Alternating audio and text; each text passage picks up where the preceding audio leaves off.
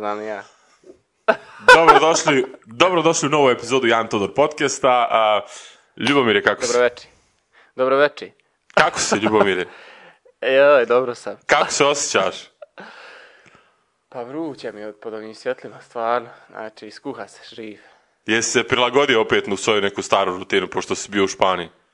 E, nisam, znači, baš danas komentašem s nekim, rekao, evo, sedam dana prođe, ne mogu nikako da se vratim u onaj work mode. Nikako, znači. A zašto? Eto, Zbog čega? Jel kao, još, još uvijek si mislima tamo ili nešto drugo ili kako? O, nemam pojma, imam neki ono osjećaj da sve što moram da radim, moram da se malo natjeram, znaš, da, da radim. Nije mi ono samo od sebe. Nekako sam se previše možda opustio bio. Pa ono, zaboravio na te neke svoje redovne poslove koje imam. I onda sad kad sam došao, sad ono, pokušavam da ih malo uvežem. Ali mislim da će to od sutra sve da bude kako treba, zato što neki ću plan da napravim večeras malo detaljniji i da riješim te neke stvari čisto da mi ne stoje u glavi. Mada to je stvar Onaj. adaptacije, malo se promijenilo, nešto, nešto drugo se dešavalo, pa sad se vala, valja vratu tu Ja. a, svoju neku situaciju. Ne. Uglavnom, baš je bilo dobro, ono, pravo. Ja sto puta kažem istu riječ, predobro iskustvo, znaš. I jest fakat je bilo tako, bilo je predobro. I ovaj, evo, baš ovaj video sad koji ide nakon ovog našeg uvodnog dijela, mislim da će sam da kaže sve od sebe da će gledalci koji gledaju podcast imati priliku da baš uživaju. Ajde da ga Je ovo pogledamo. bilo prepotentno? Ne, ovo je bilo super. Ajde da pogledamo to skupa pa da ovaj, prokomentarišemo opet to. Aj, važi. Ajde.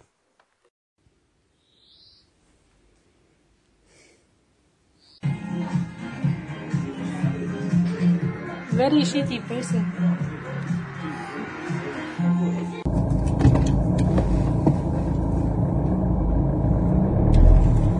E, polazimo lagano.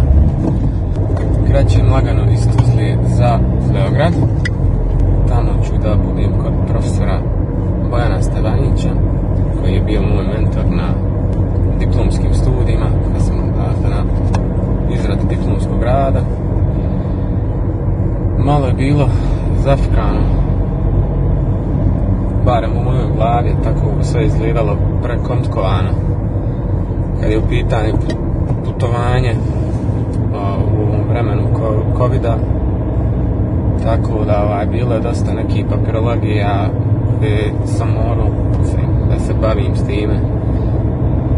Morao sam da izvadim vizu radi 5 dana morao sam da popunim sanitarni list koji još uvijek nisam popunio zato što čekam da ovaj, da vidim koje će mi mjesto biti u avionu, tako da mogu da upišem samo mi taj podatak još fali, to mogu tek da vidim sutra na aerodromu, što nije mi čekirana karta online. Da, morao sam naravno da uradim test, test na COVID, dakle ovaj PCR, ne imam tu snimaka, jučer kad sam radio, bilo bi interesantno da imam, da prikažem dokle mi je gurno ovaj, štapić sa vatom.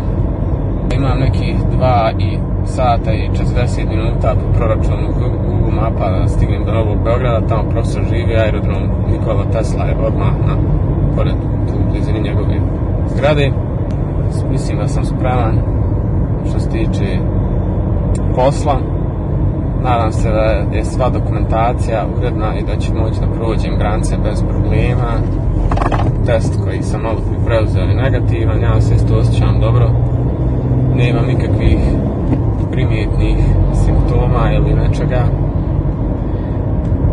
Tako da to je to. Nastavit ću da snimam što više u ovom proteklom periodu.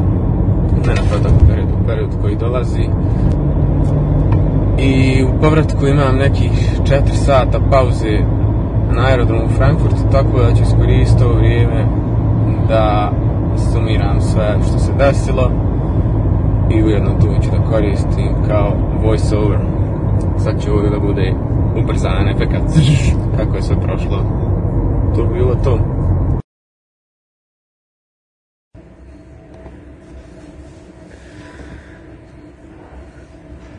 Evo nas. Moram ovako malo da bag masku držim, neću presrežati.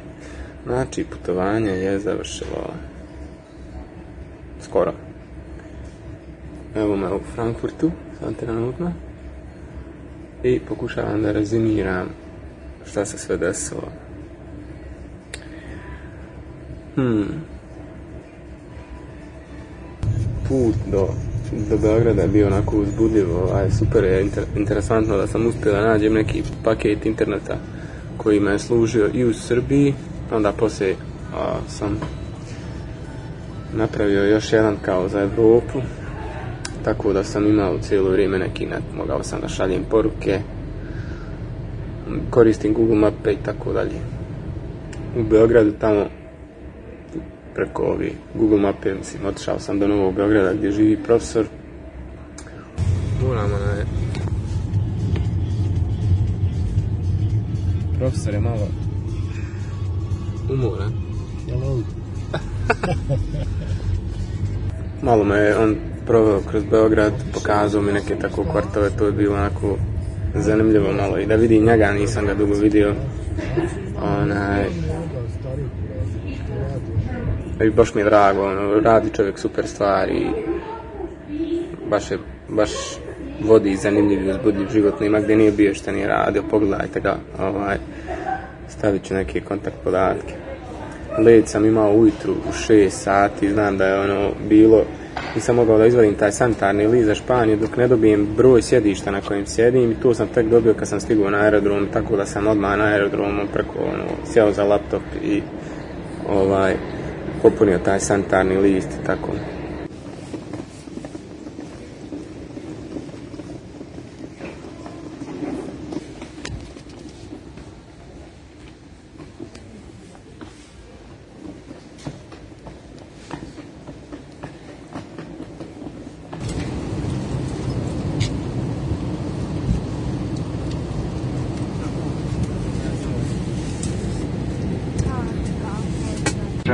Your head. After that, you assist children and people who require assistance. Bitte werfen Sie jetzt noch einen Blick in die Informationskarte mit allen Sicherheitshinweisen, die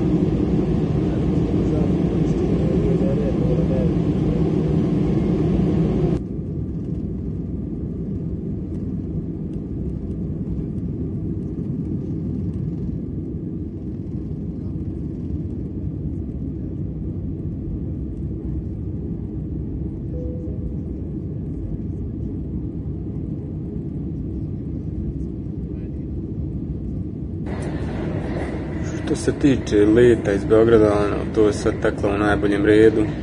Ovaj, bilo je malo oblačno vrijeme i jest nije malo, padala je kiša. Već dvije, tri sedmice koliko već, ono, totalno je bilo depresivno. Tako da, kad smo krenuli da, da, da poletimo i ono, mislim, ko, je, ko ima priliku da leti, zna kako se avion vine iznad oblaka, tako da iako je dole kiša i tmurno i pada danima nekako kad gore izađete iznad oblaka ovaj sunce bude i tako nekako raspoložite odmah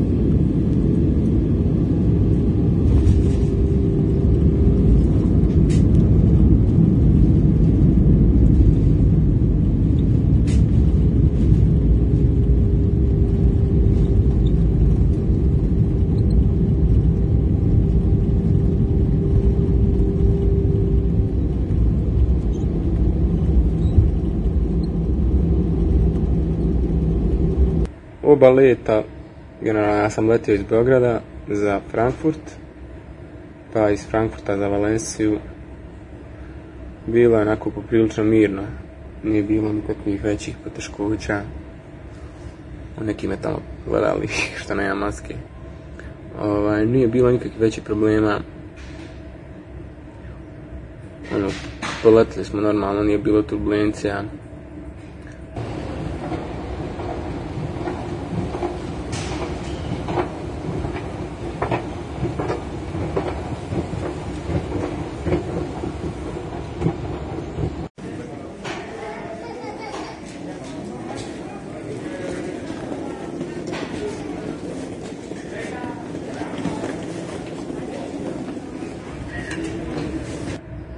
Frankfurt kad smo sletili, blaža malo kontrola, uzeše mi sve, znači, što sam imao tečnosti koje su u borcama preko 100 ml, kalodont, dezodorans, šta su još uzeli, ajde nije bitno. Uglavnom te dvije stvari koje su ono, stvarno važne, onaj su mi uzeli tako da sam tamo i kad sam stigao u Španiju morao da se snađem hitno onam, tam gdje ćeš bez kalodonta biti dezodoransa to je baš brutalno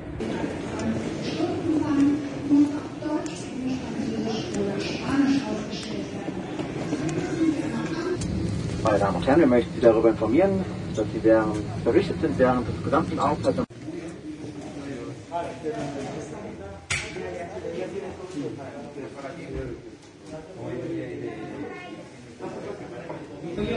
Kad smo stigli tamo u Valenciju, e, to je već druga priča, dakle tamo, ono, ufatio sam ta prvi, prvi par dana, stvarno je bilo lijepo vrijeme, sunčano, a ja u jakni, ovo, zimskoj, malo te ne dugo do, do, do, ispod guzice, ovaj, krenuo, što je kod nas, jel, prolam oblaka bio danima, ovaj, tamo stiže im sunce, milion stepeni, vadi tu neku duksericu, nešto, vrati jaknu, i onda ide znači misija prebacivanja iz Valencije do Castellona.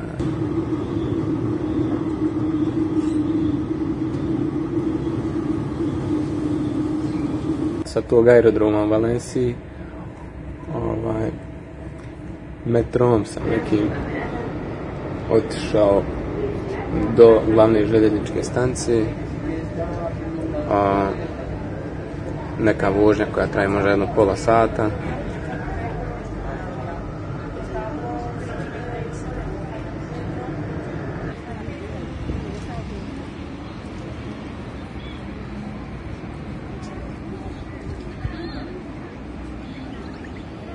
i onda u Valenciji sam došao na tu Nord kao glavnu tramvajsku željezničku stancu. Našao svoj voz za Castellon i ništa kupio kartu i, i sjeo u njega.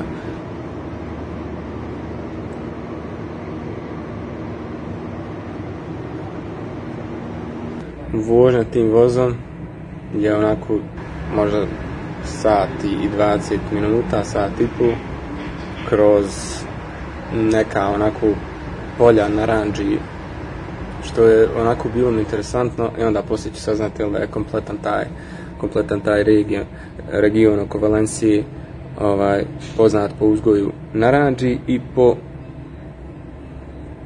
proizvodnji keramičkih pločica. Čak i univerzitet na kojem sam bio ima ocijek koji se bavi keramikom Tako da dosta onako investiraju i vremena i znanja u proizvodnji tih keramskih pločica koje se ono, po skupoj cijeni prodaju svugdje po svijetu, a najviše je to tako po, po bliskom istoku i tim zemljama koje imaju malo više love.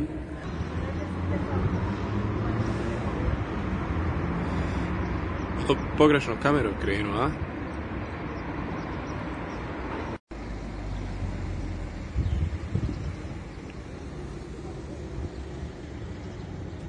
Su nam platili lovu za, kao, za taj grant za Erasmus, sami smo se sebi trebali da organizujemo smještaj i ovaj, imao sam opciju između toga da bukiram neki hotel koji je blizu fakulteta ili 7 km van grada na samoj obali sredozemnog mora i pošto je moja djevojka tu ovaj, insistirala da, da bude na plaža i ja se nisam bunio ovaj, uzeo sam taj smještaj bukvalno koji ono čim izađem na balkon gleda na more možda neki 50 metara od vode sami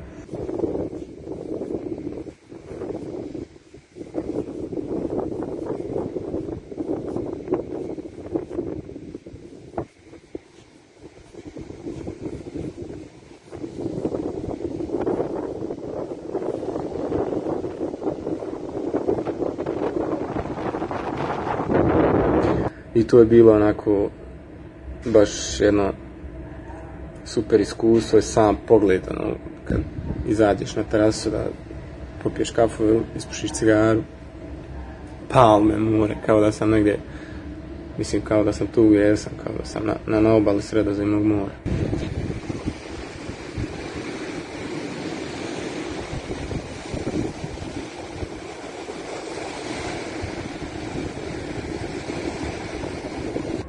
bit na plaži, budit se, za, zaspat uz, uz, zvukove talasa je, je baš lijepo jedno iskustvo. Um, onako ja sam stigao u nedelju, mislim ono, kao neradni dan, špica je, znači, bilo je ljudi, a, puna je plaža, apsolutno ljudi hodaju, vode djecu, igraju sporta nekog, nešto, djeca neka u kupaćim gaćama trču po vodi, ovaj, ljeto totalno, ono. I tako je bilo neki par dana, ono, služilo me vrijeme to sunčano baš pravo, ništa nisam, ono, radio. Prvi dan smo došli da se upoznamo i oni su nas kao vodili da nam pokažu fakultet i grad.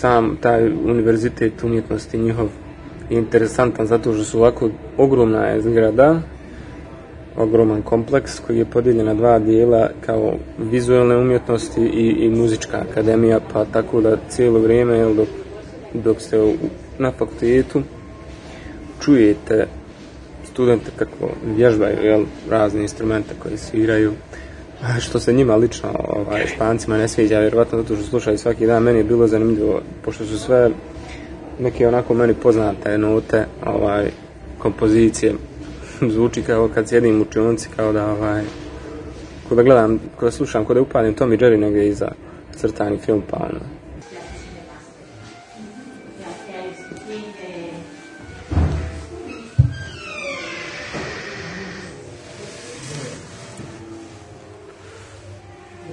Siéntate como una señorita.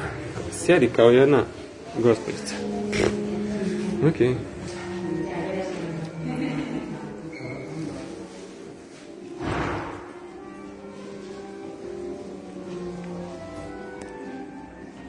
Uglavnom, prošao sam tu, upoznao sam ovaj, te profesore, kadrove, a, prolazio kroz učionce, gledao šta rade, čime se bavi koliko su kreativni. I to mi je bilo jako interesantno. Kad ih poredim sa sa ovim univerzitetom umjetnosti na kojima sam ja studirao, mogu da kažem da su tu negdje kao i mi, ako ne malo i bolji, a, definitivno imaju više a, uslova i opreme nego što imamo mi. Objekat jako inspirativan.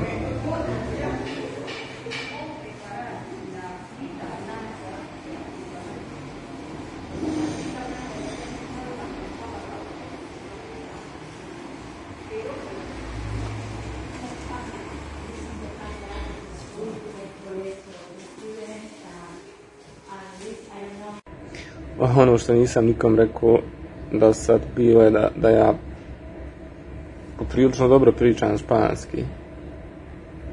Ovaj, nisam sad ono 100%, ali sam na neki, jel, 30%, što je sasvim dovoljno da se sporazumijevaš. Profesori ti koji su tu malo nabadaju engleski, Lorena koja je ispred Erasmusa, ona onako priča engleski. Međutim, na polju, kafići, restorani, znači, zaboravi. A, pogotovo u Castellonu, u Valenciji možda je neko da i priča engleski, ali u Castellonu, znači, totalno niko ne govori engleski, tako da sam bukvalno na, na, na španskom ovaj, morao da se snalazim da nabadam kad hoću da naručim kafu ili nešto. Dakle, na prvi dan malo su nas proveli kroz grad, pokazali nam neke građevine, odošli smo, ne znam, neke, neka značajna mjesta, objasnili smo nam kako je grad nastao, dakle, koji je imao najviše uticaja na njih u pogledu arhitekture, bili su dosta godina pod, uh, mislim, pod maorskom tom kulturom, islamskom, tako da ima u cijeloj arhitekturi dosta uticaja.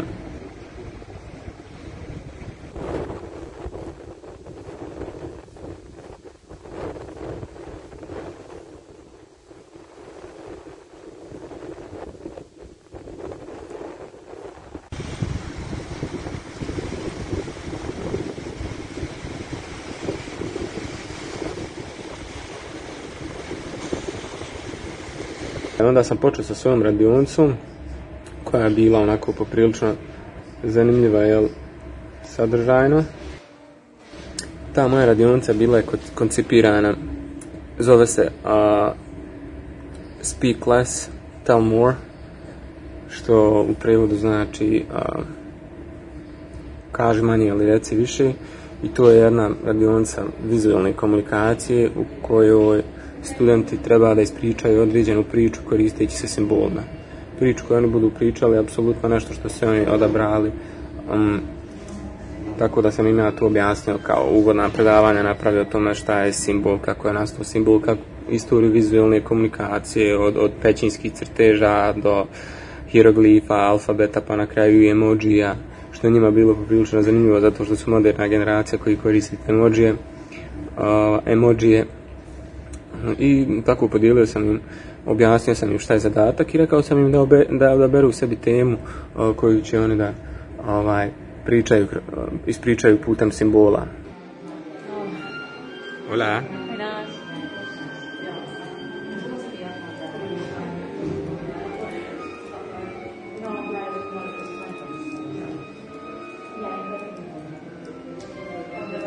The light of Castellón.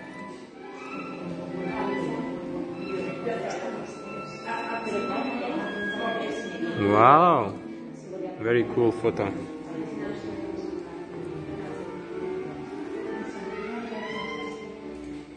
Yeah, that's it, that's it.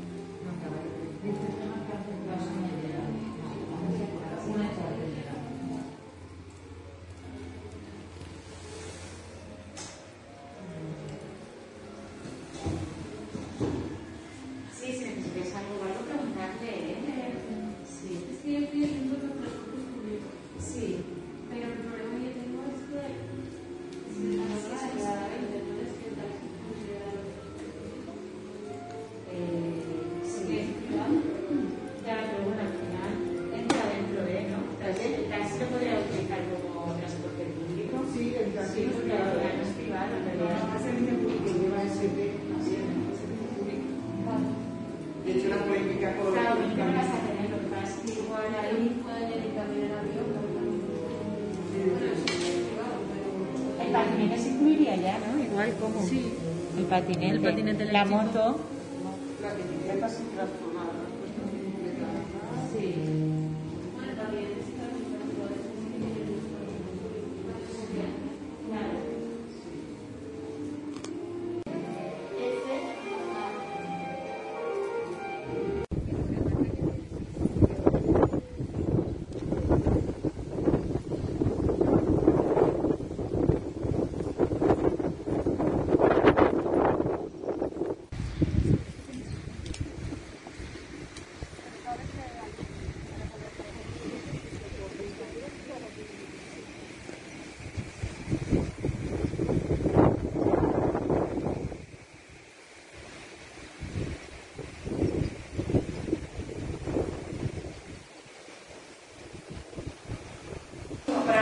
What are you doing? ¿Qué estás?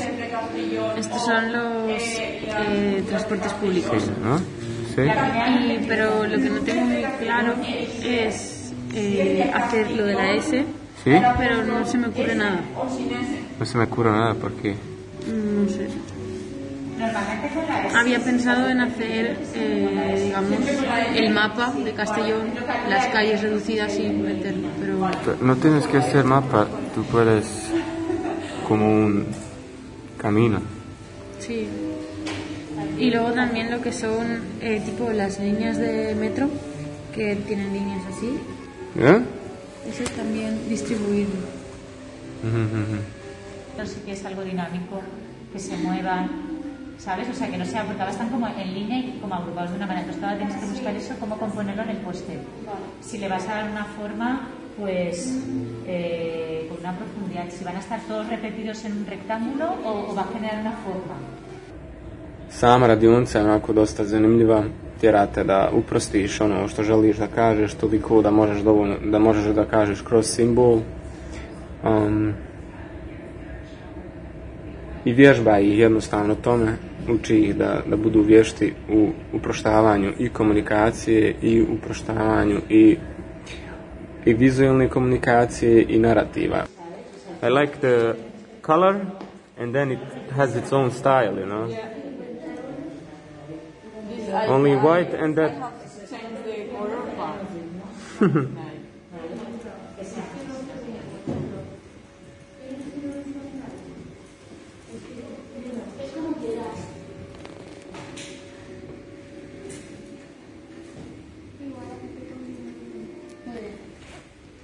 Ah. Um, I don't know what do you what do you think? uh, it's a little bit different than I imagined, but I like it. That's good. Nice. Here, so the bikes, bicycles of Castellon. Wow, that's cool. And then sculptures. Yo. Great. So you can play with the typography now, arrangement. You can move it around, give it more space around, play a bit. Okay. And you are all gonna keep it uh, black and white? Okay. Maybe you can give it some accent of maybe some particular color. Uh, then it could kind of, you know, be black and white and then have a pop of something that will kind of make it look fresh.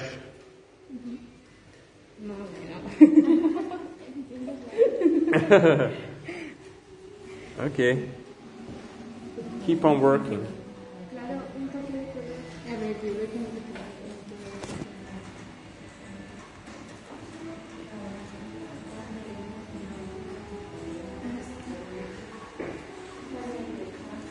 Wow, está. No me toda.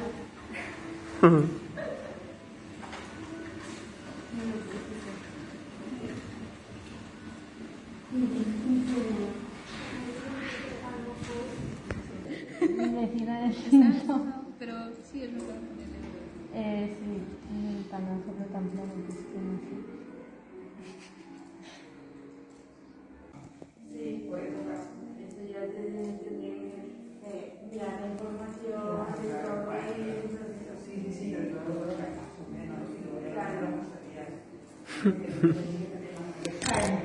Muy bien.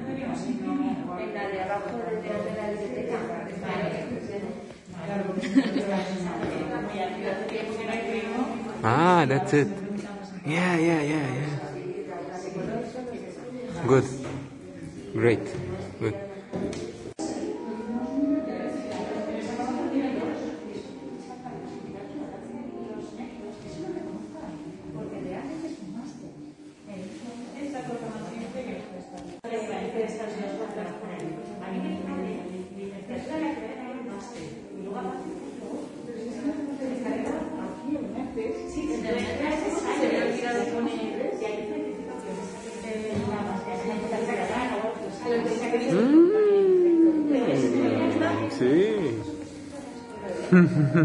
Ahora mejor, ¿no? Sí, sí, ahora mejor, mucho mejor. Y el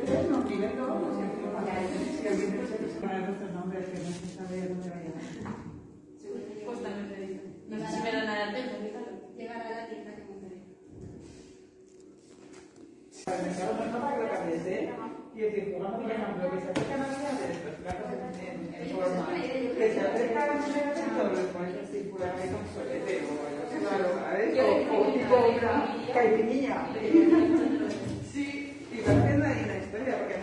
por plano de Castellón. Y entonces, entonces hubiera quedado más intuitivo. Mm. Es que ella también ha usado el tamaño para decir los barrios más grandes y claro, barrios más, pequeños. Pero claro, así no sé. Claro, no sé. Si tú me lo explicas, sí, pero Sí, si no es. según lo que me dijo, son diferentes barrios de Castelló que hay. Tiene gracia que se llame pato si no sea el del pato. ¿Verdad? Sí. Pero bueno, And what is that? Tell me. This is a pyramid, a nutritional pyramid about vegetables from my market. Okay. This market. You can come whenever you want. Thank you. It doesn't matter, I can talk in English. Okay. Uh, this is about the street lamp we have in Castellón. And well, I represented the different designs that we have here. Okay. And that's all. Estos son diferentes barrios de Castellón que podemos encontrar durante todo Castellón y el Grau. So she's saying these are all big uh, famous monuments, but she says it's neighborhoods of Castellón, but it's neighborhoods of Castellón represented as symbols.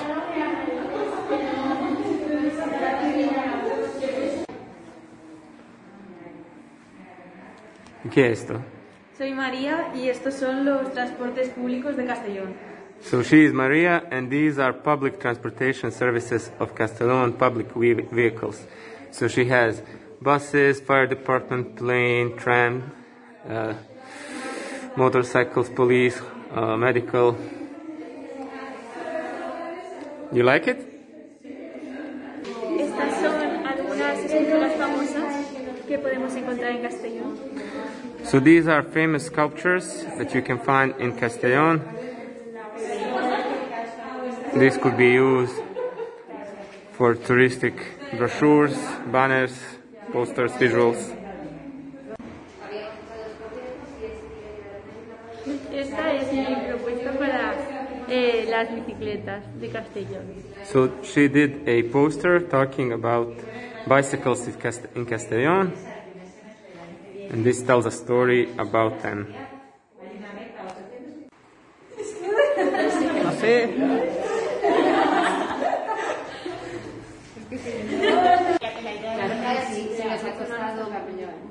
antes de Claro. que sí, algo se va a intentar sacar una rajadita.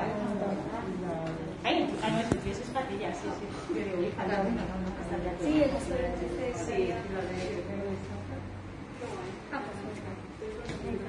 esta imagen, todo ahí. Mirando, yo era ahí haciendo...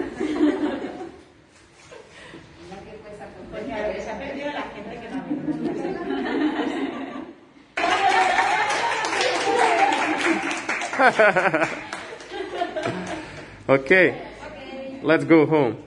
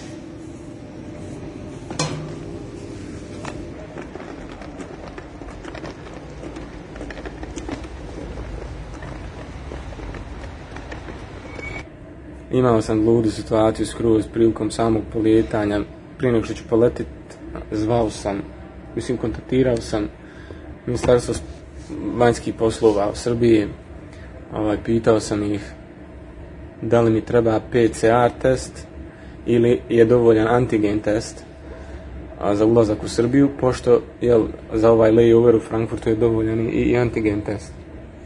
Oni su mi rekli prvo da mi treba PCR test, ali onda kad sam ja rekao da sam ja iz Bosne i da ne planiram da se zadržim u Srbiji, oni su mi rekli ako uspiješ da izađeš, to je ako si u tranzitu, mora, tranzitu mora da izađeš, moraš da izađeš u roku od 12 sati van države, pa tako da ti ne treba PCR test. Meni je to super išlo u prilog jer PCR test je u Španiji oko 100 eura za nas stranice, a ovaj antigen je bio oko 40 eura.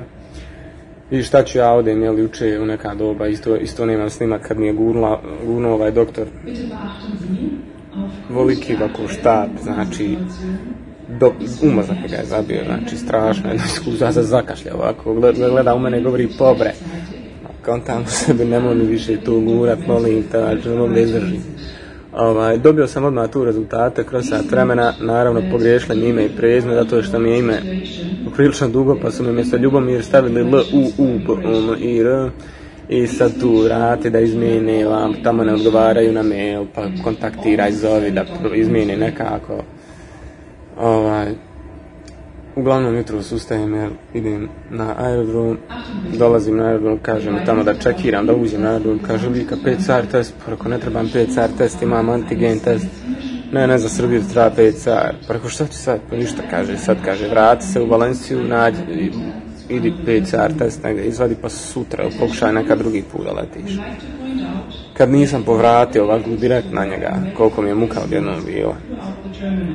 Vidim ja ništa liko, ono, totalno me ignoriše, boli njega briga.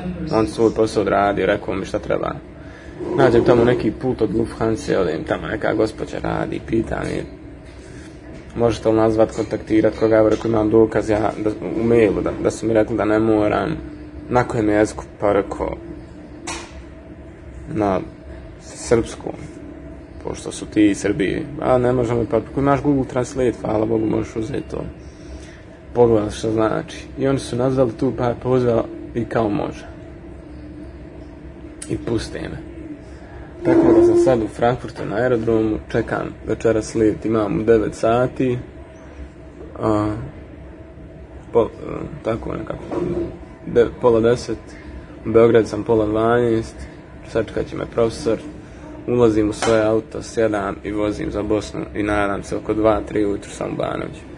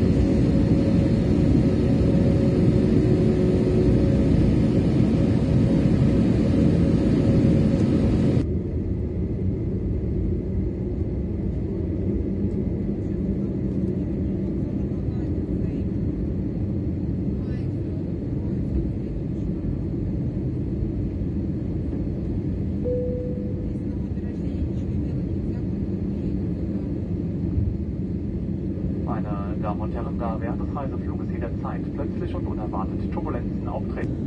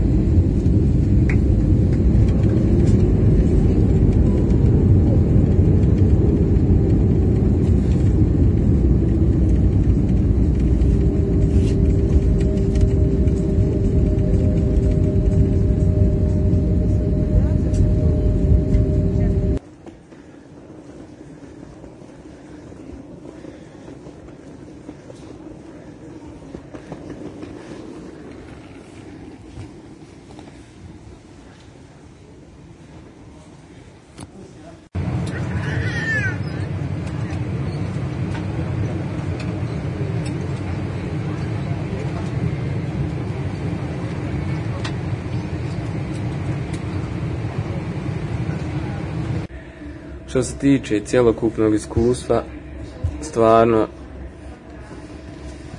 što se tiče radnog iskustva, najveći, ono je bilo ono, predobro. Totalno sam se osjećao ko riba u vodi. Najveći stres mi je stvarno izazvalo ovo putovanje, vađenje ovih testova, kontrole po aerodroma, vize i tako dalje.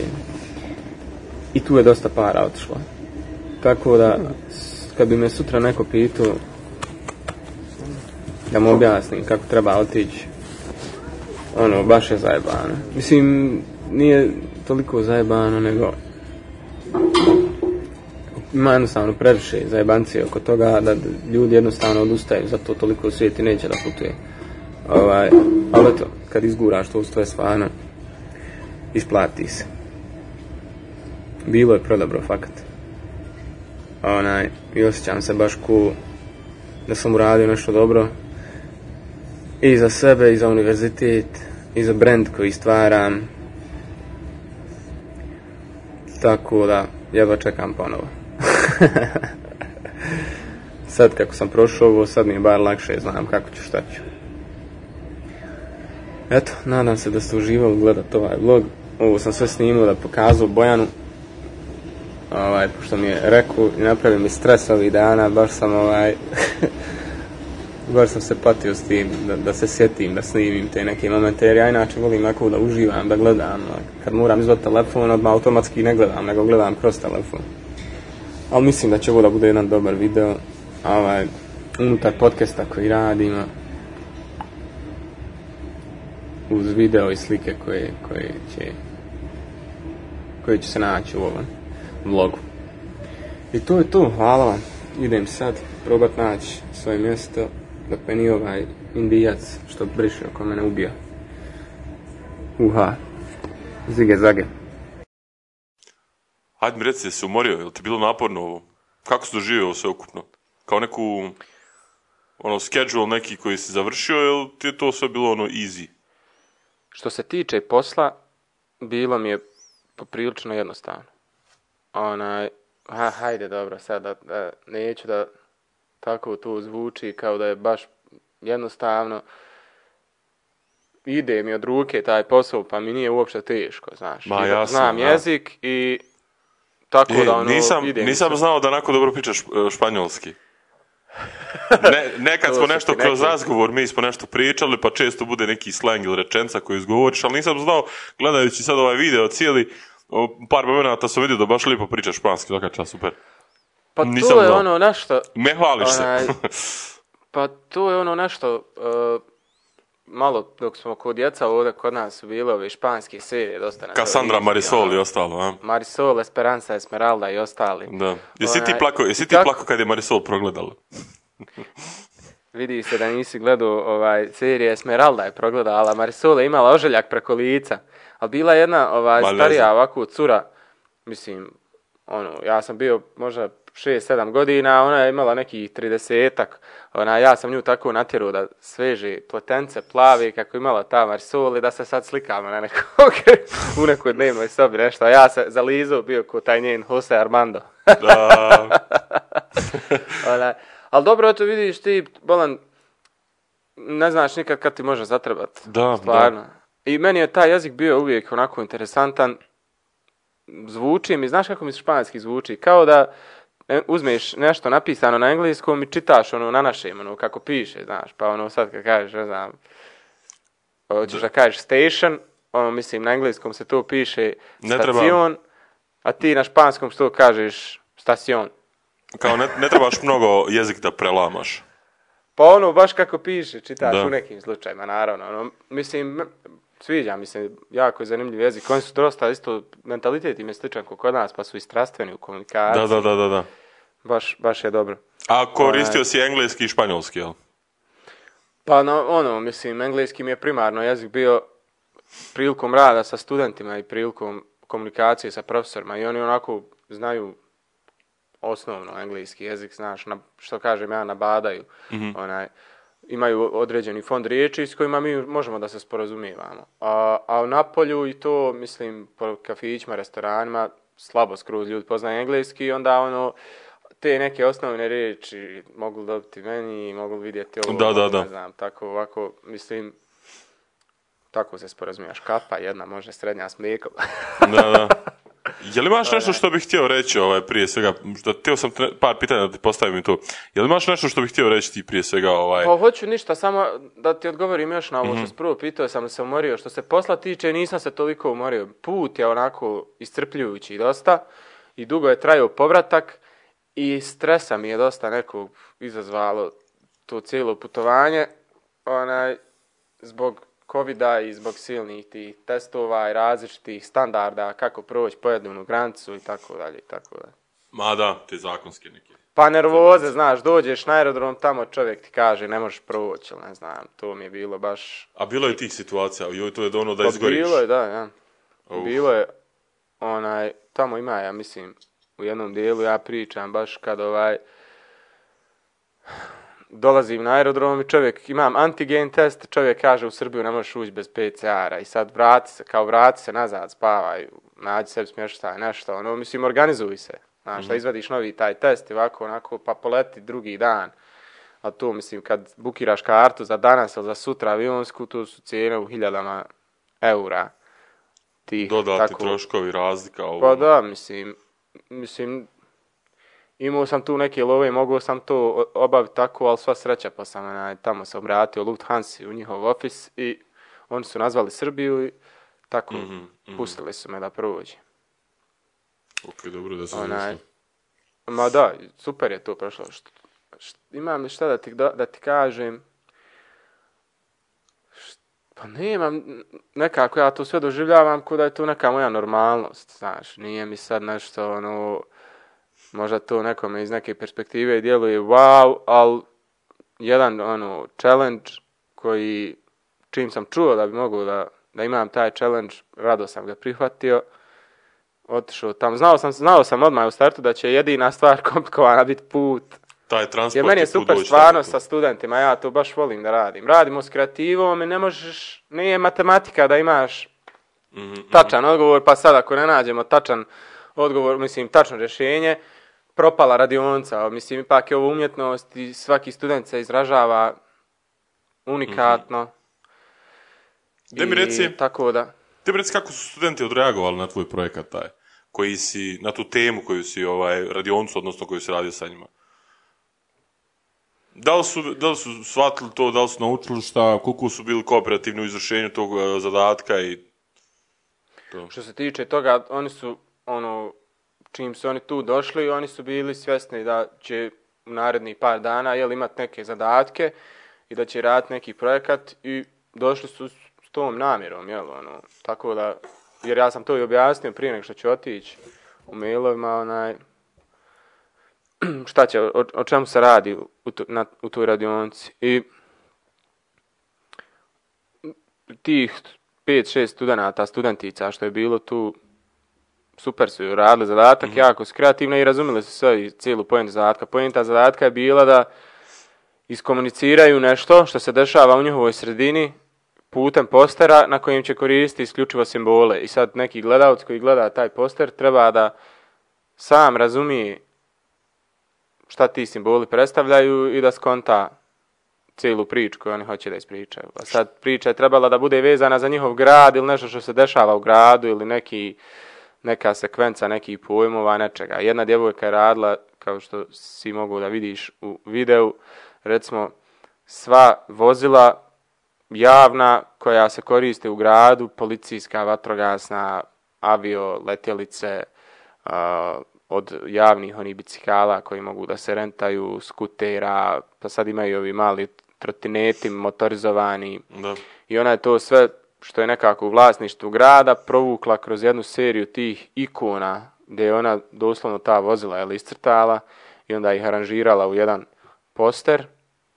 Druga djevojka je tipa sve kvartove koji su ono poznati i navedeni u nekoj turističkoj pondi kaste je ona ovaj pretočila u neke simbole, recimo, gdje ima jedan penzionirski kvart, predstavila ga je kao penzionirski štab, gdje ima jedan kvart u kojem se vrši prerada, ne znam, peradi, onaj, predstavila je to kao neku patkicu. I sad te određene, jel, ne, u jednom u jednom kvartu se nalazi stari grad, pa su tu spomenici neki. I to je predstavila kroz te ikone, složila isto na, na, na plakat. Jedna je onda radila, bile su interesantne kako u gradu ima toliko različitih dizajnova lampi, ovih bandera, ulične rasvjete, pa je onda to predstavila. Tako da sve su se nekako ufatili nekih detalja u gradu, možda iz urbane te sredine i pretočili ih u, u, u neki simbol. I ideja cijela je bila da kao studenti grafičkog dizajna i neko ko se bavi vizualnom komunikacijom izvježbaju malo način na koji komuniciraju. Pa će kroz to vježbanje jel, da uproste i svoj narativ, ono što pričaju, a uprostit će i, i svoje simbole i svoj grafički dizajn tako što će tako što ćemo kroz rad na tim simbolima učiti ih da ih stilizuju, da ih svedu na, na, na proste neke činioce, da ti možeš da prepoznaš simbol. Ovaj. I mislim da je sama ta radionca jako interesantna zato što se bavi jel, jednim aspektom grafičkog dizajna ovaj, i može isto da se uvede u, ovaj, u redovnu nastavu kao zadatak Dio tog programa. semestra. Mhm. Da. Meni bilo interesantno probam tu ideju. Ideja uspjela još bolje. Super. Sad će vjerovatno biti, imaju nekih još, ovaj, tamo dok sam bio, komunicirao sam s njima, pa su bili predstavnici Erasmusa iz Poljske, pa možda odem u Varšavu isto da držim tu radioncu, pa ima To. isto, univerzitet je dobio ponudu sa univerzitetom iz Bergama, iz Italije, Cool. onaj, pa moglo bi tu da bude turnejica neka, da se ta radionca onaj, malo pokaže i drugim studentima. Mhm. Samim tim ja mislim da ću ja onda nju automatski da razvijam, neće ostati na ovom, uvijek tu imaš šta dorađivati. Da, da, da. Eto, onako, to je to. Što se tiče konkretno te radionce i, i saradnje sa studentima. A da mi reci, ok, ovaj, što se tiče toga, a um, da li si, odnosno šta si vidio, čuo zanimljivo unutar univerziteta? Univerzitet je onaj ima taj ocijek za, za grafički dizajn, ima ocijek za slikarstvo, grafiku uh, i keramiku. Mhm. I ja nisam siguran da li imaju jedan ocijek, pogriješću, onaj, mogu tamo da, da, da svi koji žele da pogledaju EASD, Castellon, univerzitet koji imaju smjerovi, ali onaj, ono old school akademija tipa, znaš, sa Da. ateljeima, raznim tako studijima u kojim se nalaze mašine za sito štampu, mašina za pečenje keramike, mašina za vajanje, dakle imaju i tu nastavu. Onda imaju nastavu podijeljenu ono kao četiri godine superior, to je ovo što smo ti i ja završili, imaju dvije godine kao, pa možeš i da imaš kao nešto kao diplomu dobiješ. Ovaj, onda ti je sav taj jel, plan i program nabijen u te dvije godine, neke stvari izbačene. Znaš, kao ono dva programa, zavisi koliko ko ima vremena i šta ko želi. Onaj, Da li je to internacionalni program ili, ili samo program na španjolskom jeziku? Program je na španjolskom. Evo, ja kad sam završio s ovim, njima se dopalo to način na koji mi radimo to na Burču i poslali su ponudu za tri naša studenta da idu tamo na šest mjeseci.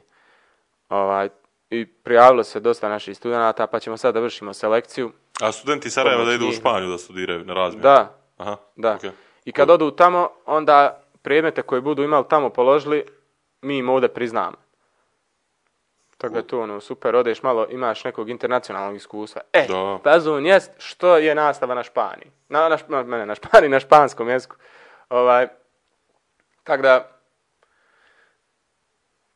ima vjerovatno studenata koji malo pričaju španski, što je dobro, ali mislim da se može da, a- ako ono, si normalan čovjek, da će ti profesor objasniti na engleskom, nije to ništa. Da, Ipak da, da. se to ovdje radi o dizajnu i najbitnija stvar je taj tvoj dizajn tu.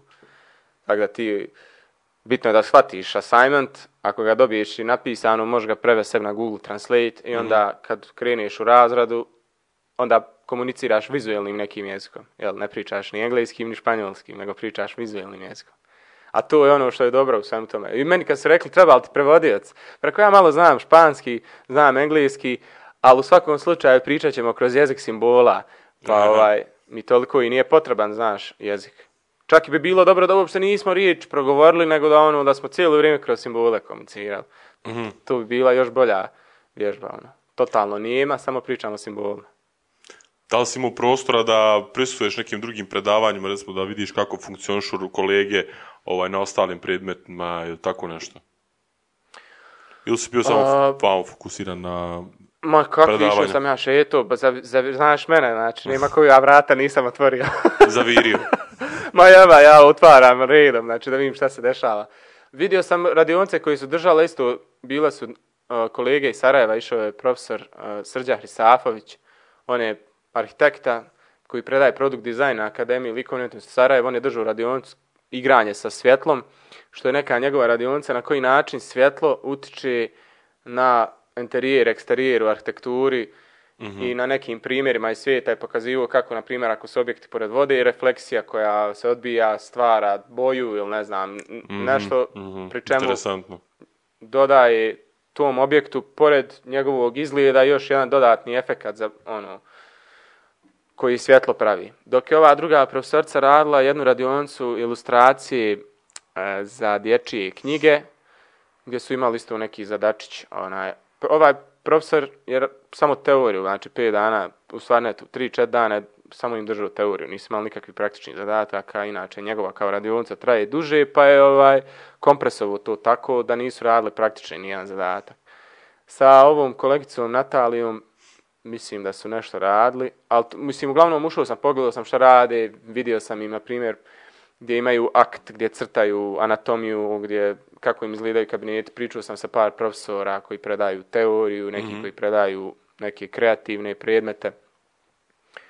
A, glavna ta koordinatorica Erasmus programa u njihovom, na njihovom univerzitetu ujedno predaje ilustraciju.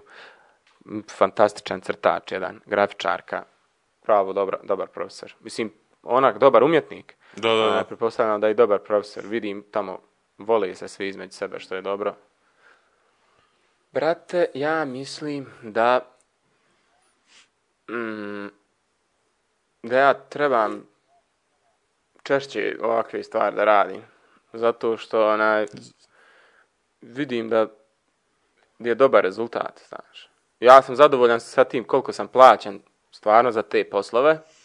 Onaj, I kako vrijeme prolazi, jel, to ono, poprima i ozbiljniji oblik i mislim ove jel, internacionalne relacije su dokaz tome.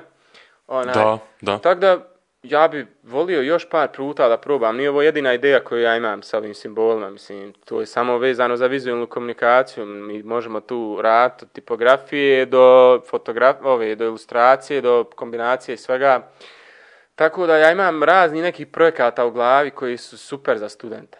I onaj, ako mi se otvori prilika da ja to, da eksperimentišem sa tim, ja ću nastaviti sa tim. To može da na kraju urodi nekim plodom. Jer nekako, evo sad, pazi kako razmišljam i o ovom podcastu i o ovom angažmanu na, e, na univerzitetu i pa malo i o načinu na koji ja prezentujem sebe.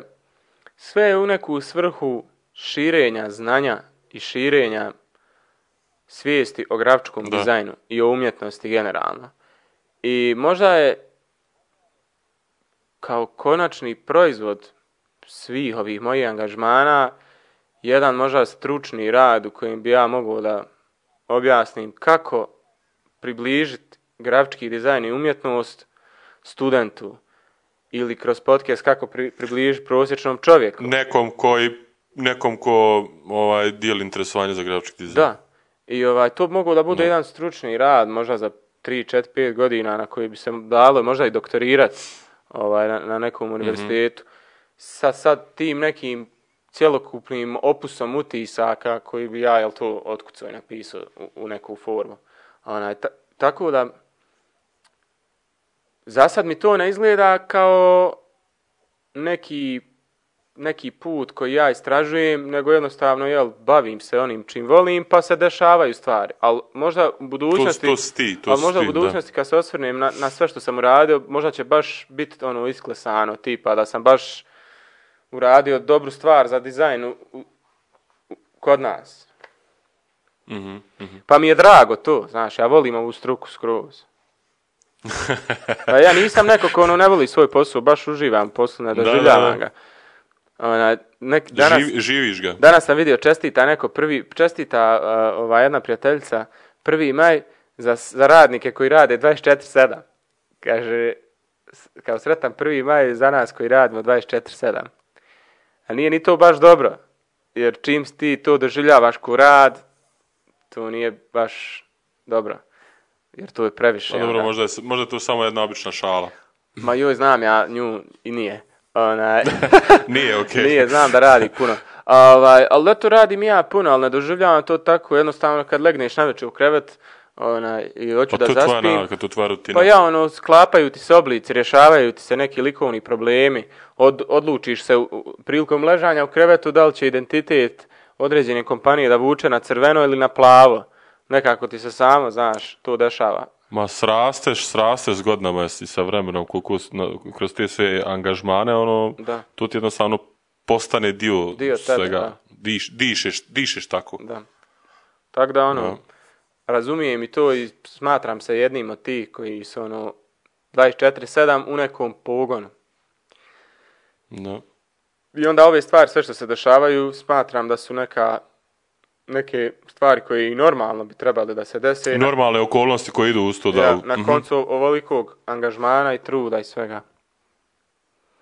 Šta ima kod tebe?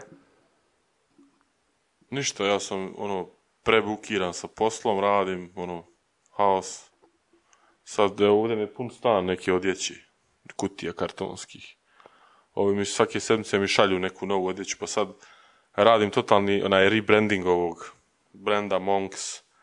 Ovaj, da, radim im ono sve nove produkt fotografiju cijelu, pa online shop, pa dopuna neki ono brand standarda, razumiješ, sve definišemo kako će se šta objavljivati po internetu, znaš, i tako da ima milion ono posla oko toga svega, da se sve to istrukturiše, da se odredi, pa da se onda realizuje, pa da onda to krene sve u online ovaj, platformu, tu neku. I tako, ono, ništa Jel imaš posebno. osim Malo Monksa sam- kakvih angažmana? Imam, sad sam počeo da radim sa jednim tipom koji je ono, radi branding, ali ne dizajn, nego branding psihologiju. Znači, ono, u fazonu pomaže firmama, razumiješ, da izgrade taj neki brand, uh, ali radi u, u polju farmaceutske industrije, to znaš, nekih novih kompanija koje, ili starih kompanija koje imaju nove proizvode na tržištu, pa se onda to sve nekako plasira. Pa ćemo sad vidjeti onaj, šta ćemo napraviti, nakon sve ono, imali smo jedan sastanak, sve što mi je ispričao, djeluje mi zanimljivo, ali mi je najviše ono cool to što vidim da ću sa njim moći napraviti baš neku ozbiljniju saradnju za buduće, znaš da se to neće onaj završiti na jednom projektu. Super. Znaš, od prvog razgovora je ono baš krenulo cool. Tako da, eto, to su neke stvari koje radim. Vamo sam na poslu, isto ono što sam spominjao prošli puta, taj studio sređujemo, pa sve ono, ko kao puzzle neki, razumiješ. S- slaže se. Sve vidiš, svake sedmice znaš neki napredak, da je nešto gotovo i da se bliži tom kraju da sve bude gotovo i da više ne moraš o tom razmišljati. Znaš. Nego onda imaš to i onda ga koristiš. Tako da to ono... Jesi Cool. primijetio da je u zadnjih tri mjeseca jedno 15 novih podcasta pokrenuto u BiH? Nisam iskreno da ti kažem baš zbog obaveza koje imam ono, i ne gledam nešto. Prije sam aktivan bio samo što se tiče ovog Agelasta, gledao sam svaku epizodu skoro, sad nekako ništa ne gledam. Valjda kako mi, kako jel, stalno i ja po društvenim mrežama i promovišemo stvari za ovaj podcast, onaj, počelo mi izbacivati plaćene oglase raznih podcasta koji snime epizodu, poplate oglas na Facebooku. Pa vidio sam ogroman broj, ono, čak je i državna televizija pokrenula svoj podcast, ono, u studiju nekom ga Ok. snimaju. Tako da, ta svijest o podcastu se širi polako, sve vi- više i više ovdje kod nas, u smislu da pojavljuju se podcasti naši ovdje s naših prostora. Ja znam da je narod odavde gledao strane podcaste i ono, strani taj sadržaj, ovaj, ali evo sad, sad je sve veći i veći broj tih i omladna isto radi. Tako da, ja bi da im kažem onaj, da, sa- da nastave i da mi je baš drago što smo među prvima. Da. Ma znaš kako, to je nekako postalo dio te neke ovaj, urbane kulture, taj podcast, jer to se generacijama, znaš, mijenja, uvijek dolazi taj neki format novi koji se koristi, ne znam, ti si imao prije pet ili sedam ili deset godina, ne znam, bilo je aktivno non stop, što i danas ima, nažalost, ovi kao Big Brother fazoni i ostalo, znaš, gdje zatvaraju ljude uživo, pa ono, imaš isto veliku količinu ljudi koji to prate, znaš, koji se s time ovaj, hrane. A evo, mislim da je podcast nekako mnogo bolja stvar, ovaj, možeš da biraš sebi žanr, možeš da biraš sebi ono šta ćeš da gledaš, ko ti je zanimljiv, ko ti je cool, nije ti ništa servirano, i to je super stvar. Pa i neka ih ja, ali Nađeš, baš ono, nađeš taj sadržaj koji ti odgovara. Čak i ako Mm. gledaš neki stručni podcast, ako ima ljudi koji gledaju ovaj, onaj, nekako se naštimaš sa tim voditeljima da imate otprilike ili oni malo bolje znaju o tebe te stvari pa gledaš zbog toga što saznaješ nešto novo ili onaj jednostavno ako vidiš da je neka šuplja prestaneš da pratiš ako pročitaš i vidiš da je neka ono, bulašna tako da Pa nekako, content slušajući neki podcast, nekad, nekad često sve i čuješ što ti je bilo potrebno i onda više nemaš potrebe iz tog Mm. podcasta više ni da dalje ideš i da slušaš. Ja sam sad trenutno jedino podcast koji slušam, slušam je neki a, ne, tip je neki jevrej iz Amerike koji rabin je on u stvari neki. Ali toliko ono ima povezanu tu neku ono filozofiju životnu sa tim vjerovanjima iz njihove te neke religije. Ono, neki mudrosti, filozofije, ovo ono, povezano sa modernim načinom življenja i sa biznisom i šta ja znam, lik je u suštini milijarder, znaš. Pa ono, bili neki ono... A jel audio ili video podcast? Audio, audio podcast. Daniel, uh, Rabin Daniel Lapin se zove tako. Poslušaj. ono, baš Nisam čuo do sad nikad, možda do mene. A, ali eto, dobro, to, to mi je drago što se dešava. Imaš li ti kakvih poslova, pored svega? Pa imam onaj, počeo sam, da, počeo sam da sarađujem s jednom firmom ono, koja se bavi IT-em, programeri su neki u pitanju, pa nešto radim za njih, neki razvijam identitet. Danas mi se javio jedan lik sa porukom, onaj, da mu treba isto... U zadnjih možda sedam dana dobio sam neki razni, neki ponudica, nešto upita, više nego inače. Mhm. Meni se sviđa, kad god izbacim ovu epizodu, novu ima neki kontakata, zovu, pitaju za nešto. Onaj, tako da vidit ćemo šta će biti, šta će bit, onaj, u budućnosti. Imam plan dva murala da radim, tu mi je drago. Znači, jedan mural ću da radim za Virgin, onaj, u Tuzli. Ako, a, mislim, znaš za, za kompaniju Vir- Virgin. Sir Richard Znam, Branson ta, taj, a, nje- njegova je tu kompanija. Tako da u Tuzli ima jedan kao Virgin Pulse. Onaj, kompanija ima 400 uposlenih programera koji se bave podržavanjem te aplikacije Virgin Pulse. Ovaj, I radit ću mural tu jedan za njih. Onako interesantan, psihodeličan. I, I u Sarajevu isto ima Benja, ovaj prijatelj, organizuje neki festival gdje će da rade sa bojama, pazi ovo, boje za fasadu koje čiste zrak. Što je cool, ono, kao. Mm, da objasnim šta je to. Pa boje koje, mislim, kada naneseš na zid, prikupljaju ono zagađene čestice iz zraka, lijepe se na mural i kad kiša padne sa pere to sve dole. Ok, aha. Joj, ne znam da li sam ovo trebao reći za njega. Što sam otišao sa im javno. Aj, valjda neće niko pogleda do ovdje.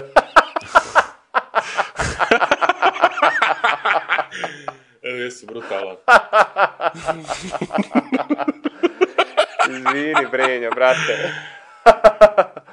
Uglavnom, eto, ima Sjec, ta dva murala. Motaj kablove. ta dva murala imam u planu. Uh, I... Da, još, ne znam, imam isto nekih pregovora sa ovom klijenticom iz Amerike što, što radim još za nju. Onako, nije loše, super je. Sad ja znam, sad ide lijepo vrijeme, jedva čekam i to, ono, kod nas je ovdje padala kiša malo, pa zadnja dva dana bilo lijepo. Ali proljeće, konačno, lišće na sve strane, mogu da šetam kroz prirodu, jučer sam bio malo u šumi, skinuo se bos. Tako da, počeo sam da ja da cvjetam prijatelji koji ti. Ovdje sve stiže malo kasnije, moda stiže kroz pet godina, proljeće stiže kroz par sedmica. Ali stigne na kraju. E, dobro je. Dobro, to je super. dobro, brate. Nadam se da, ni, da, da vas nismo smorili. Ovaj, mislim da smo bili ok. Pa joj, šta da im radim ako, onaj, ako gledaju nas zato što smaramo, pretpostavljam. Ma da. Uh, I ja isto da se zahvalim za i svo doša, dosadašnje praćenje. E sad ne znam, meni je malo zanimljivo, u stvari, uh, pitanje. Ja volio samo za oni koji gledaju, samo izvini, samo da kažem nešto, ovaj, kratko ću. A, Ovaj, za ove koji gledaju podcast i šta ja znam, ne bi bilo loše kad bi se možda malo uključili dole u komentarima na YouTube i tako nekad ako imate nešto da kažete, da pitate, da ostavite neki komentar, pa da stvorimo isto tu neku interakciju. malo I da imali smo pitanja nekih, onaj, od prošli put, šta misliš da to pređemo sad? Pa hajde. Imali smo pitanje tamo na Instagramu, onaj, pitala nas je, daj, možeš Aleksandra, ja mislim, iz Dobaja da je pitanje poslala. Ima, možeš li ti ući na Instagram? Ajde, samo sekundu. Um, pitanje je, da li ste selektivni po pitanju izbora klijenata? Klijenta. Da li, pri tom, da li pri prvom kontaktu sa klijentom dobijate posao koliko procjenite da vam se senzibiliteti ne poklapaju? Da li ste bili u situaciji da raskinete saradnju sa klijentom i na koji način ste to handlovali? Cool pitanje. Um, Pa ima neke sigurno ono prilikom inicijalnih razgovora i komunikacije pokušavaš jel, što bi rekli ovaj Hrvati kemiju da ovaj, vidiš da li ti odgovara neko, da li ti ne odgovara. Ali nije to nikad bio ključni razlog da li prihvatim ni da odbijem posao. Onaj, ali generalno nisam neko ko baš tako često odbija klijente. Ovaj, osim ako nisu neke, neka sića, ja to zovem, pa možem u ratu i neka štamparica ili nešto, pa ne, ne, ne bi da se tim zafrkavam. Ovaj, ne odbijam toliko često klijenta da, da mogu sada kajem da ima neki, e sad ako neko ima tu ekstremni slučaj gdje se ne možeš čovjekom izaći na kraj, uopšte ne, ne, ne zanima kako ću prekinuti, ono prekine se nekako, neka način kažeš čovjeku, izvini, ne možemo sarađivati više i to je to. Ako je sad neki razlog tipa, ne znam, da, da mi nešto traži da uradim, što je nemoralno, što nije etički, nešto što se možda ne poklapa sa mojim kodeksima življenja, ovaj, kako ti? Pa sve zavisi recimo od kompleksnosti projekta, znaš. Tako da u tim nekim jednostavnim projektima vrlo malo imaš ti nekih konflikta ili nejasnoća ili kako to da nazovem. A ako se s- i stvori neki problem u, u, u realizaciji projekta, nekako gledam uvijek da budem ja taj koji, znaš, e, rješava situaciju, da izbacim i dramu iz toga, a i Znaš, da, da budem taj koji nudi neko rješenje, znaš da kao prvo završim ja posao, da me to više ne nervira, a da i klijent bude zadovoljan. Ona je, ja mislim, dizajner interijera, ako se ne varam, ili neka arhitekt, ili arhitektica. Pa ja mislim isto. Tako da- Arhitekt, interior designer. Ja vjerujem ona kad uđe u neki projekat i tu sad ljudi vraćaju sto puta da je ovako, da je ovako, da je ovako, vidi ona da je tu previše para onaj, za tu vrstu muzike, a, a dogovorila je možda neku cifru pa ne može sad da izađe iz tog nekog okvira, pa znam da ju je da jednostavno završi se taj posao jer troši joj vrijeme, a nije joj plaćeno. Ili ako je neki klijent koji ne zna šta hoće, pa je vraća sto puta. Mm, E, u tim kao, situacijama e, ja bi ti savjetovao da naučiš lekciju, ali da ne napuštaš posao, nego da ga završiš, ko što Bojan kaže, skupite svoje Da, snage sad- što imaš, obavi završi, onaj, pa sljedeći put ćeš lakše prepoznat karakter. Ma da. A i mnogo je bitno uvijek na samom početku projekta sve, sve, sve do detalja razjasniti. Da. Pa ako je moguće, znaš, i pismeno nekako i potvrđeno, znaš, da ti imaš na kraju neku sigurnost šta je tvoja odgovornost, šta moraš da isporučiš, a šta ne. Znaš, da i tvoja efektivnost i tvoje vrijeme ostane na tom kako je na početku isplanirano, znaš, jer sa klijentima zna nekad mm, biti teško, znaš, da se sarađuje i sve iz razloga što uvijek ima, kod, mislim kad su pitanju neke ispravke, to ti na kraju oduzme vremena, a teško je to nekako i naplatiti, ne znam. Zato je mnogo bitno imati sve transparentno na samom početku. Mhm. Ma da. Ili tipa da... o- o- I taj neki briefing, evo što se meni sad sviđa, recimo kod ovog što smo malo prije spominjali, tip, ovaj brand, branding tip ovaj. Da? Ja sam napravio pro- profil tamo na onom Fiverr, znaš, tu ti je kao platforma, ne znam da li si čuo, za dizajn, za svašta nešto gdje imaš ti kao dizajner svoj profil i onda, jel, neko ti se kao javi, znaš, ne znam. Nisam nešto ni poznao tu platformu, ni kako radi, ni ništa, ali ajde rekao da napravim profil tamo jer vidim kao moderno je, znaš. Dosta ljudi koristi, dizajnera i ozbiljni su klijenti, znaš. Ja sam napravio, ali sam onako i zaboravio na to. E, kad javlja se tip, ono, kao da li imaš vremena, znaš, i koliko ti sve ovo zvuči zanimljivo, i na početku normalno ja sam taj i taj, ovo ono što radim, i lik mi odmah posla mi briefing, znači, od 11 strana. Znači, sve tu ima, znaš, šta on hoće u suštini. Znaš, e to su ti neki super klijenti gdje ti Da, tu je neki ono profi možeš klijent. Ja, bolje... ja pretpostavljam da njoj dođe tipa mladi bračni par, hoće da im sredi stan, imaju recimo... Pa dobro, ne Ima, znam ne sad znam. to, ja. Ali nema veze, princip, princip je isti, brate. Da, a ne, ona sad, pretpostavljam da tako to funkcioniše, pa pokušavam da razumijem tu perspektivu, ono, dođu ljudi, ona im da ponudu, oni pristanu na tu ponudu i onda u neka doba krenu da izmišljaju, izmišljaju, izmišljaju, i tu pre- prevaziđe cijenu koju je ona dogovorila. Onaj, mislim da možeš možda u startu samom prilikom razgovora da budeš otvoren da kažeš cijena je tolika za ovo o čemu sad pričamo. Ali ukoliko dođe do prekoračenja određenih sati predviđenih za ovaj konkretan projekat, ja ću blagovremeno tu da vam javim i da vas upoznam sa situacijom gdje će cijena da poraste. I treba odmah reći, e, tu već do ovdje smo došli, ovo je za te pare, sve dalje je preko. A ne godi, Ja se toliko onda zaustavite se sa zahtjevima.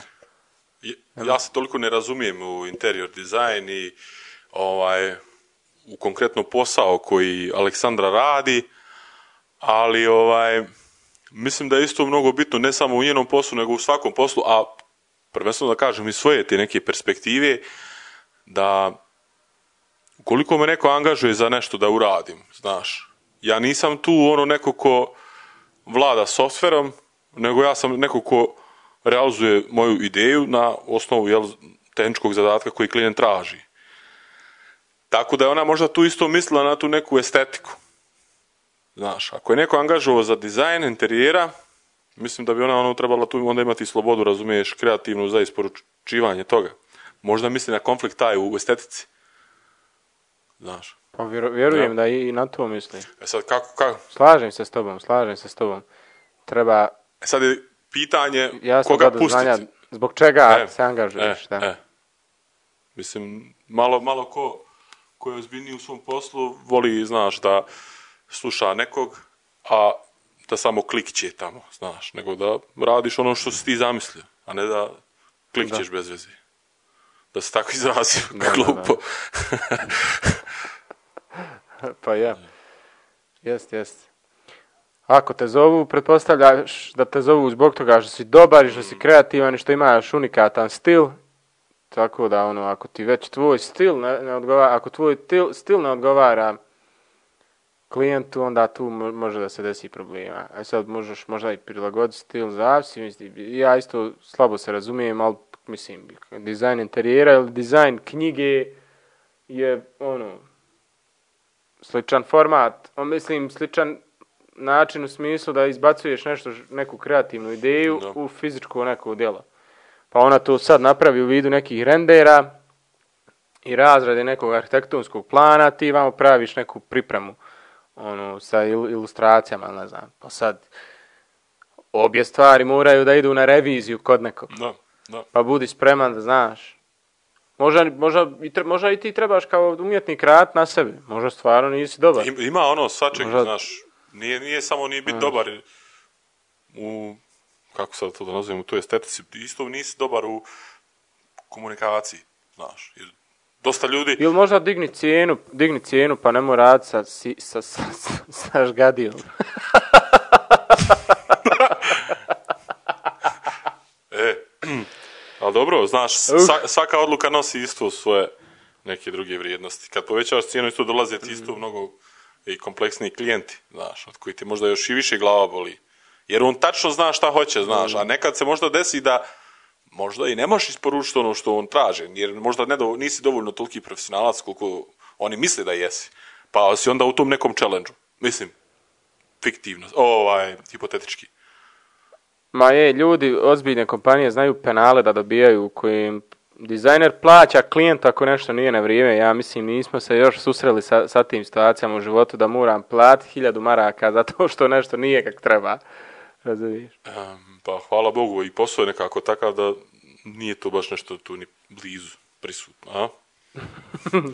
Sad da, da smo izvođači radova, neki građevinski, to pa bi bilo možda normalno. Da, da odvale nam se pločice. Kad je pu- pukla Ovaj. ploča!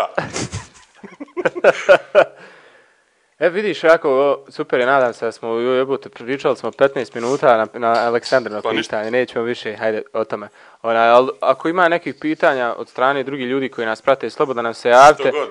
To bi nam pomoglo malo i oko, ovaj, oko toga, oko priče naše da imamo u određenoj epizodi jedan segment u kojem odgovaramo na vaše pitanja, to bi bilo baš interesantno. Questions and answers, to bi bilo cool, ja. Stvarno. I kad ćemo raditi epizod na engleskom? Hoćemo sljedeću. Pa mogla bi. Hajmo, radimo sljedeću na engleskom. to radimo, a zašto, a zašto radimo znači- epizodu na engleskom? Zato što hoćemo da proširimo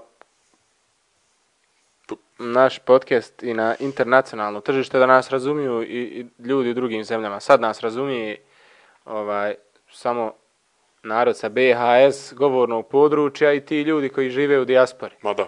Tako da po našem nekom proračuna, proračunu Pa tu je do nekih 20.000 ljudi koji mogu ukupno da nas prate. Pa od sad to je na maksimum. A ovako se možda idemo i na, na mnogo veći broj. Eto, milijuna. s obzirom sad da znate da sljedeću epizodu snimamo na engleskom, a Sad- imamo isto vremena da za... Re, reci? Zato što smo gladni slave i para.